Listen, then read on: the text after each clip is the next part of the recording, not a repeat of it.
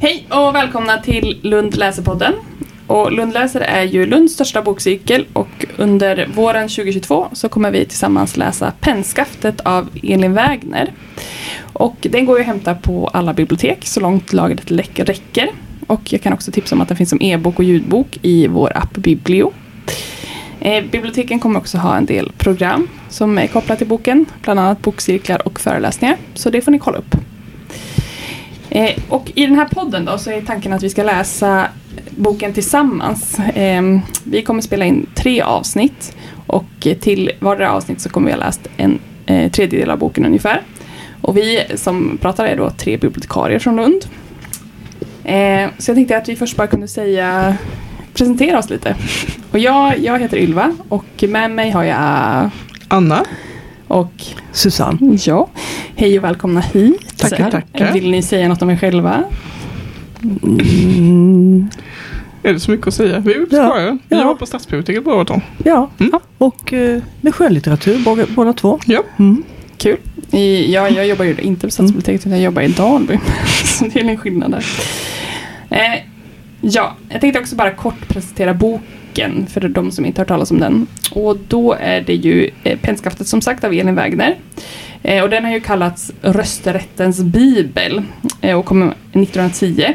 Och Elin Wägner då som har skrivit den var då väldigt engagerad i kampen för kvinnlig rösträtt. Och eh, hennes syfte med boken som jag har förstått det var att beskriva kampen eh, men också för att liksom, skildra de här eh, som kämpade i kampen som liksom, riktiga kvinnor och inte bara så här, galna kvinnor typ.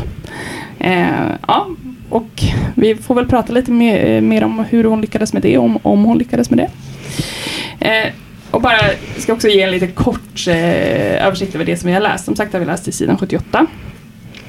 Och i de här första kapitlen så introduceras vi för, för eh, några av karaktärerna som jag antar kommer vara med i resten av boken. Nu har inte jag läst resten heller så jag vet inte. Men eh, den första vi möter är Cecilia som är en eh, ja, ung kvinna, tror jag. Lärarinna. Ja, hon är lärarinna och hon, eh, är väldigt, hon bär på en hjärtesorg, tror jag det står här någonstans.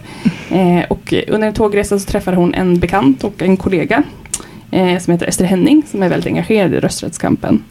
Och Ester försöker få med Cecilia på tåget och säger att här, men du måste också engagera dig och du som har liksom inte man och barn, du kan lika gärna jobba hårt. Eh, och Cecilia vill egentligen inte för hon är ja, väldigt, väldigt ledsen. Men eh, hon säger till sist, ja men jag ska komma på ett möte. Eh, vi lär även känna Pennskaftet då. Eh, och det är en ung kvinna som jobbar som reporter. Hon heter egentligen Barbro. Pennskaftet är då någon sorts namn man brukar kalla reportrar. Nom de plume. Ja, precis. Nom de plume. Eh, och hon och Cecilia bor då på samma mm, pensionat eh, i Stockholm. Och även då Pennskaftet, då, eller Barbro som hon heter, då, försöker engagera Cecilia eh, för att här, kämpa för eh, kvinnorösträtt. Eh, hon får också den lysande idén att Cecilia ska flytta till en egen lägenhet. Hon som har pengar och har råd att bo i en egen lägenhet. Hon borde verkligen göra det istället. Eh, och ja, det händer lite annat. Men jag ska också nämna att eh, Penskaftet Pennskaftet träffar också en annan som bor på samma pensionat som heter Eh, arkitekt Block heter han väl. En ung man som eh, förälskar sig. Block, ja, precis. ja. Dick Block, väldigt tjusigt namn. Eh, som börjar liksom tycka om, eh, bli kär Mm. i Pennskaftet. Det är svårt att karaktären heter Pennskaftet och att boken heter Pennskaftet. Men eh, ja, vi kallar henne Mm, Pennskaftet för hon kallas ju det konsekvent och inte Mm. Barbro. Eller hur? Fast hon, blev väl glad när hon blev kallad Barbro. Jag Det är ingen som gör det, nej. Nej men när, hon, när, hon, eh, när Cecilia frågar henne men vad heter du egentligen? Ja. Så säger hon Barbro. Det är ingen som kallar mig Barbro så det är fint om du gör det. Ja, okej. Men ska vi kalla henne Barbro då? Som Mm. Ja.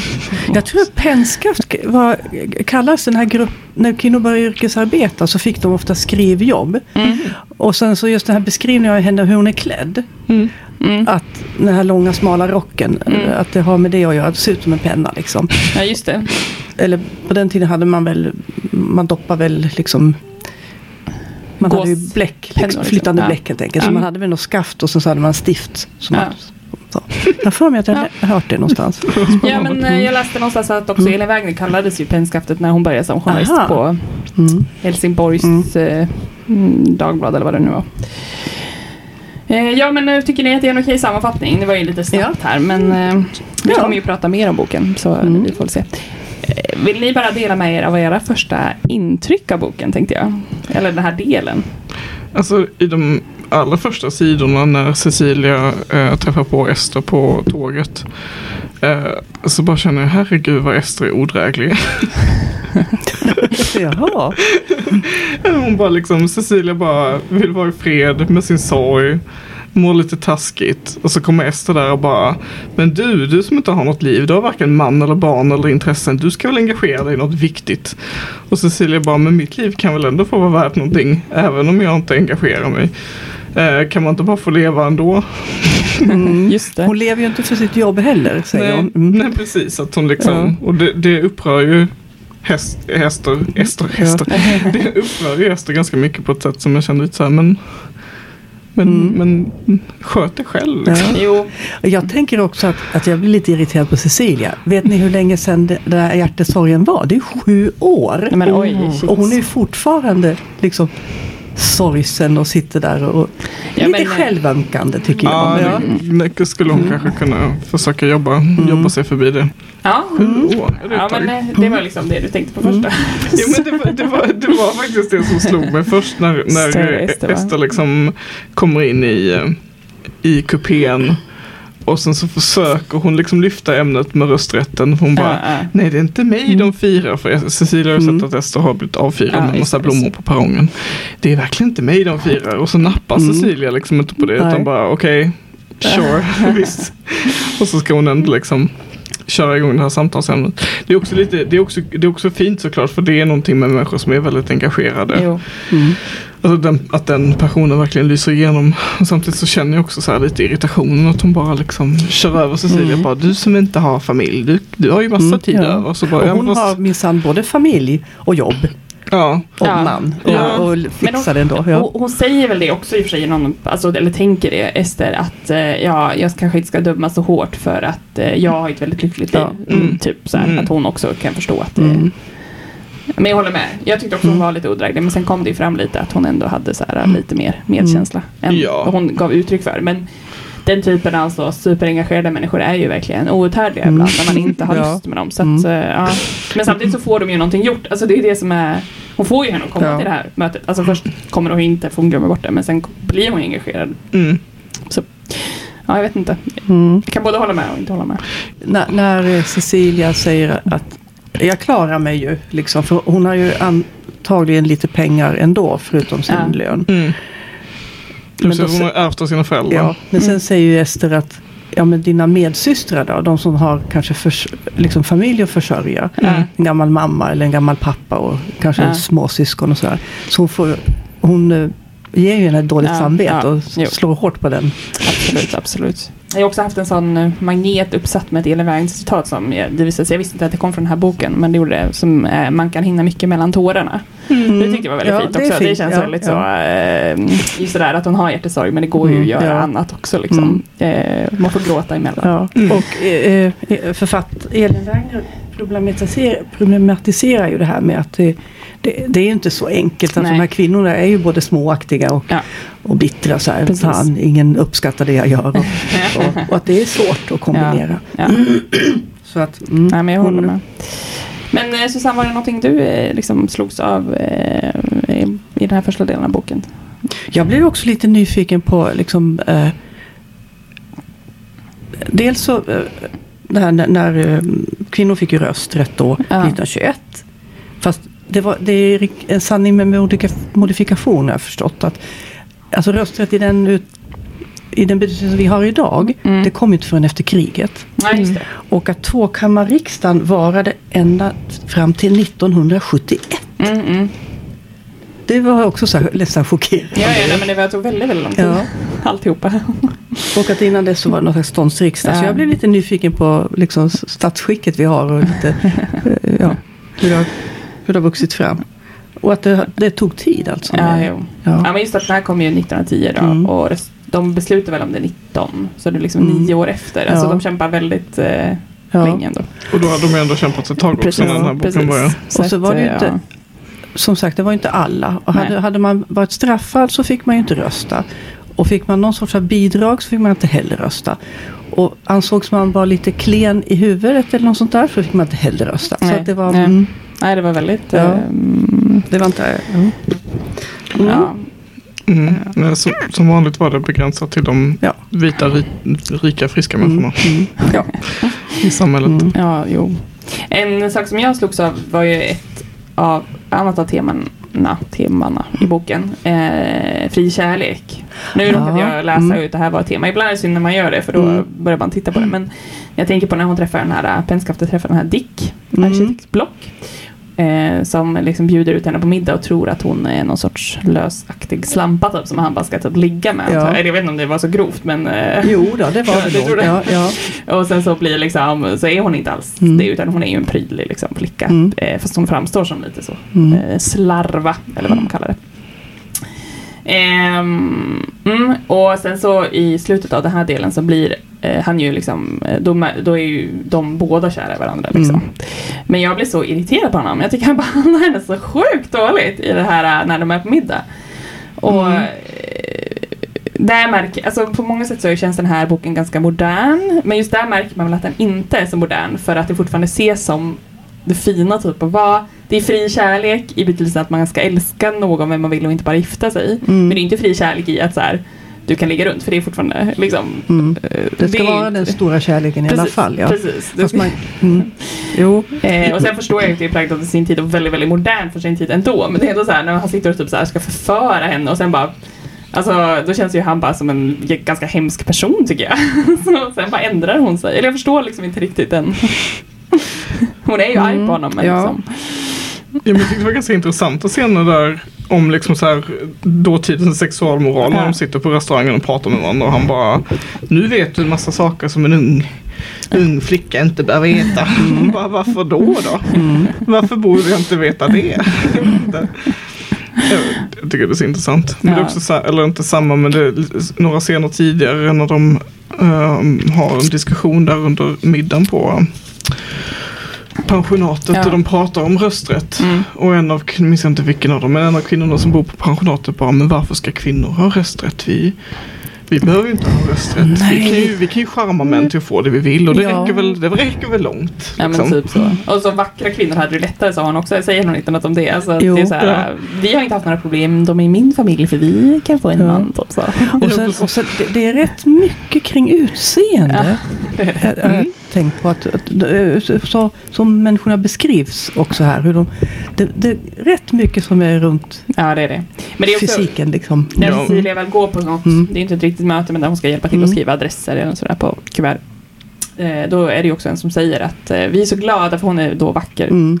Vi är så glada när vi får någon vacker kvinna till rösträttskampen för det är så viktigt för att typ, övertyga folk. Bara, Mm. okej. Ja, men precis. Om, om de snygga människorna tycker det är Ja. värt nog att göra, Mm. då borde ju resten av samhället haka på Ja. också. Ja, ja. Ja. Det, det är inte dumt för deras sak Nej, om, det, om de är precis. vackra och välklädda. Nej. men precis, om Nej. de har någon snygg, Ja. snygg kvinna Ja, och precis, skicka precis. längst fram i ledet liksom. Jo, vänta, jag kom på någonting som jag har tänkt på. Men som, eh, som jag tänker, det, det är nämnt bara och sen inget mer. Och det är andra sidan, alltså sidan sex. Mhm. Och eh, när, när hon då har, gör slut, eller han gör slut med henne, Cecilia, Ja, just just eh, den här, eh, hennes stora hjärtesorg. Ett hjärtslitande samtal som slutade med en brottning om liv och död på skenorna. Hon, har hon alltså försökt begå självmord? Och sen så är det bara en sån liten passus och sen så inget mer om det. Ja, men kanske, jag fattar det mer som att de bråkade men ehm, Ja, när du säger det. Medan kontinentaltåget söderifrån kom störtande in på stationen. Ja, för jag funderade också på det. Ja. För jag, kände, jag, tyckte, jag tänkte inte på att det skulle handla om självmord. Mm. Jag tänkte att de bråkade liksom. Ja. Men då tänkte jag också så här, men om, om han nu skulle ha försökt ta livet av henne, Ja. varför håller hon på att sörja honom flera år senare? Ja. Det låter ju helt otroligt. Mm. Men det är klart att det är mycket, mycket vettigare att tänka sig att hon Att- försöker ja. ta livet av sig för att hon Ja, blir ja. så uppfylld av sorgen av att Mm. de inte ska vara tillsammans längre. Det stämmer ju in i narrativet. Ja, men det är sant. Jag fattade det är bara inte sant. Men nej, och det kanske, alltså jag tänker typ det här med att hon är deprimerad sju år efter kanske också liksom har att göra med att det är något, hon har ju en depressiv läggning. ja, Ja, kanske så ja. Mm. hon var ganska sarkastisk och rolig också. Ja, jag tycker, jag Ja, tycker det Cecilia är är en av de hon. roligare. Mm. Alltså, jag tycker hon, eh, det är väldigt snyggt av Elin Wägner att föra in den typen av karaktär som är tveksam. För det ger, alltså om man bara hade fått möta Ester och Penskapten så tror jag man hade tyckt att det var så här, stod upp en i halsen typ. Mm. Men nu när så Cecilia som kommer präktig. Ja, Ja, precis, precis. När Cecilia introduceras och är liksom skeptisk så känner man, det är henne man identifierar sig med på något sätt. Även om man själv liksom tror på kvinnlig rösträtt. Mm. Så blir det ju ändå henne, henne man har som ingång liksom. Nej, men jag, tycker, för jag tycker det är jättekul där i början också när Cecilia och Ester pratar med varandra på tåget och eh, Ester frågar henne, men vad vet du om rösträttskampen då? Cecilia bara, ja men ingenting. Ja, ja. Typ. Mm. Och hon bara, hur, du, du som är lärarinna, hur kan du inte veta någonting? Och Cecilia bara, jag lever utanför allting. Det var först helt nyligen jag av en händelse fick höra att vi förlorat Norge. ja. Jag tyckte det var jättekul. Ja, Men jag tycker också det är fint att hur hon introduceras är liksom inte via idéerna, tankarna. Att hon är såhär, men jag vill jobba fysiskt, liksom. jag vill ha en eh, liksom, verklig uppgift, typ. jag vill bara Mm. göra någonting. Och Mm. jag kan verkligen känna igen det, att, så här, att engagera sig politiskt är så himla svårt om man ska så här, engagera sig i att så här, vara den som pratar eller ha Mm. idéer eller liksom hoppa på det tåget. Att det är mycket lättare att bara jag skriver adress på ett kuvert. Det är Mm. det jag gör. Mm. Att det, det borde finnas fler sådana uppgifter för folk som vill engagera sig. För jag tror att det är ett sätt att komma in liksom. Mm. Och något som känns väldigt gammaldags det är ju det här hur de titulerar varandra. Och de här andra gästerna på pensionatet Ja, där ombord som assessorskan var tvungen att slå upp. Mm. Ja, vad är det för någonting? Jag Det kollar, är- kollar faktiskt inte ens det. Ja, det fanns lite olika betydelser faktiskt. Det var hovrättsråd, taxeringsman, bedömare, skadereglerare, utvärderare, Oj, bisittare. Det kan vara en domare utan tjänst. okej. Och det finns faktiskt kvar i svenskan som länsassessor som betyder då jurist vid länsstyrelsen. Ja, en liten parentes. Ja, men, men vad det- det- det, det- ja, mm. Det är väldigt så formellt det. Mm. Lärarinna. Författarinna Mm. kallar de ju henne som man inte fattar om hon är författarinna eller inte. Nej. Och så delar av en rum. ja, fy. Alltså Ja, det var ja. så fruktansvärt jobbigt och eh, det var en sak som slog mig i det här stycket när Penskafte kom på att Cecilia ska få ett eget rum. Att jag blir så himla typ Mm. rörd. Att så här, det är så fint att hon Mm. öppnar upp det för henne och på slutet då när hon flyttar in i den här lägenheten på, jag kan inte, Bläsingholmen. Bläsingholmen, tack. Eh, så är det så himla fint, typ att det känns som att hennes liv börjar igen, säger hon någonting. Att hon, Mm. hon hade tänkt att livet var färdigt. Och så bara, men det kanske händer någonting typ. Mm. Och att hon får det här eh, och bo med den här eh, också trotjänaren och sådär. Att det Mm. blir så himla... Mm.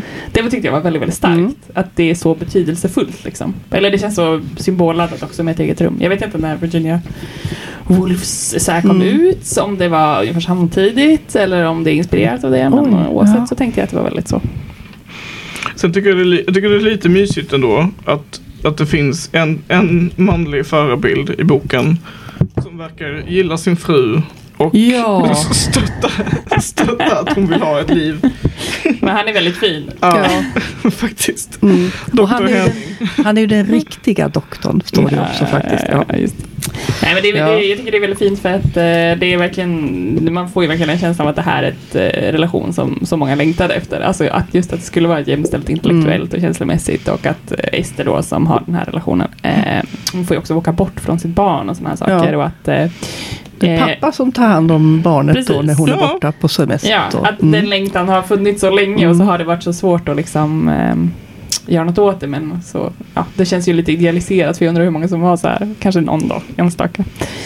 Men jag tänker också på det att eh, jag tror att Ester säger någonstans något i stil med att så här, eh, att folk tycker hon ger upp mycket för barnens skull men att så här, hur dåligt mår barnen av att mamman är borta på några möten. Att hon har en ganska modern syn på det Mm. liksom. Mm. Ändå. Att så här, Mm. det spelar ingen roll typ. Men pappan är ju där och tar hand om dem. Ja. precis. Men man förstår ju att de hade mycket att kämpa mot. Mm. Men jag tycker det är skönt att han är så chill med det. Alltså det är så, man orkar inte att varenda, varenda man i boken skulle tycka att eh, kvinnor är för, för dumma i huvudet för Ja. att få lov att rösta. Ja, Liksom. jo. alltså, Mm.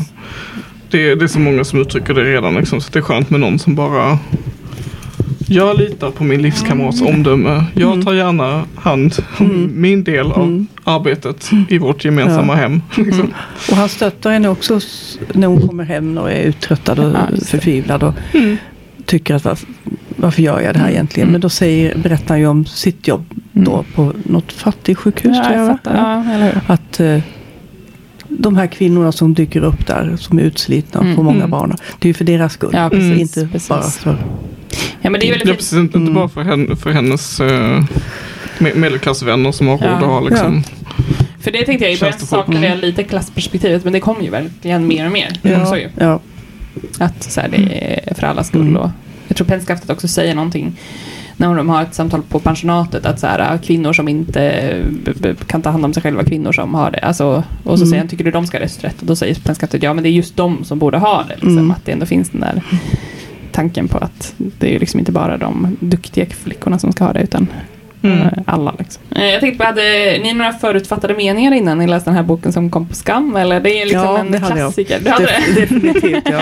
Jag hade, var alldeles bestämd på att jag inte skulle tycka om den. Och Ja. jag tycker faktiskt mycket bättre om den än vad jag Ja. trodde att jag skulle göra. Mm. Sen bjuder den ju motstånd, det tycker Ja. jag ju fortfarande. Men Ja. ja. jo då. Ja, kul. Mm. Alltså jag har ju jag har läst något Tullsligan som en, visserligen inte är samma bok men ändå samma författare. Så jag kände ändå att jag hade mer rimligt ställda förväntningar tror jag.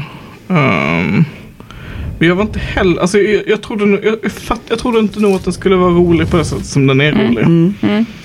Ehm, så det är jag glad över. Ja, men jag, jag håller med er och jag trodde nog att det skulle vara mer av en kampskrift men jag upplever den inte och det är det ju. Men jag upplever ju också att hon får till det där som hon kanske vill få till. Mm. Att så här, det är vanliga kvinnor Mm. liksom, Och som mycket kämpar. humor. Ja, Ja, precis, faktiskt. precis. Och det känns Mm. eh, viktigt Mm. eh, att ha med det. Och eh, ja. Jag är, jag är glad över att vi får träffa specifikt Cecilia. Jag är väldigt nyfiken på vad som kommer hända med henne. Mm. Mm, ja, men jag håller med. Mm. Det är min... Jag tycker Pennskaftet får ju kanske mest plats i romanen men eh, Cecilia är den man ju känner Ja. mest så här. Mm. Pennskaftet är väl Elin Wägner själv kanske? Ja, men man tänker ju det. så. Ja. Men, men eh, eller, man kanske inte ska läsa mycket och tolka in så biografiskt. Det blir inte så kul. Men Mm. jag ska säga också att eh, eh, jag tror att hon är lite Cecilia också för att hon flyttar ju också in i en våning med sin så här, trotjänare som hon sen lever med i princip hela livet. Mm. Så det tänkte jag på när den här Mm. Kristine med att hon, Elin Wägner hade sin Linnea då som hon bodde med till sin död. alltså som då var typ hushållerska eller, men ändå Mm. mer av en vän liksom. Mm. Några sista tankar? Vad tror ni kommer hända? Ja. Jag är mest Kommer nyfiken på om de kommer bli, eh, på om Cecilia kommer bli radikaliserad eller inte. Ja just det. Hon kanske blir den som är mest radikal sen. Mm. Ja precis, hon kanske, kanske vänder helt. Ja precis. För det, det är väldigt kul. Eller det blir så här, någon av eh, männen på pensionatet Ja. pratar, eh, pratar nedsättande om de engelska suffragetterna och Ja, de det. eh, franska Mm, rösträttskampen och de eh, ryska anarkisterna. Ja, men Mm. det är väl de som är roligast. det är väl de som är mest spännande. tänker jag. Vad tänker du själv? Ja, jag vet inte. Jag är också spänd på vad som händer- kommer hända med Cecilia. Mm. Ehm, ja. Och hela det här läget, alltså att de ska bli så här, jag tänker att lägenheten kommer bli ett nav för så här, kamp. Så att det, Aha, jag ja. hoppas det. Det låter jättemysigt. Ja. Men sen så hoppas jag också lite på kärlekshistorien. Jag tycker det är kul med kärlek. Men jag Ja, blir, se. eftersom jag redan är störd på honom så vet jag inte. Dick. Mm. Dick Block. ja. Vad tänker du Susanne? Vad har du för förhoppningar på fortsättningen? Jag hoppas att Cecilia vaknar ur sin dvala och liksom rycker upp sig lite grann. Hon, hon är ju ung så att Mm. det är klart det var en annan tid. Men, eh, Mm. En ogift kvinna i 30-årsåldern var nog en ung, gammal ung mö. Liksom. Man kan säga att eh, det är de nu för tiden. Mm. Ja men Yes. eh, ska vi avrunda där? Ja, Mm. tack. Tack så mycket för idag. Tack. Tack, tack. Hej.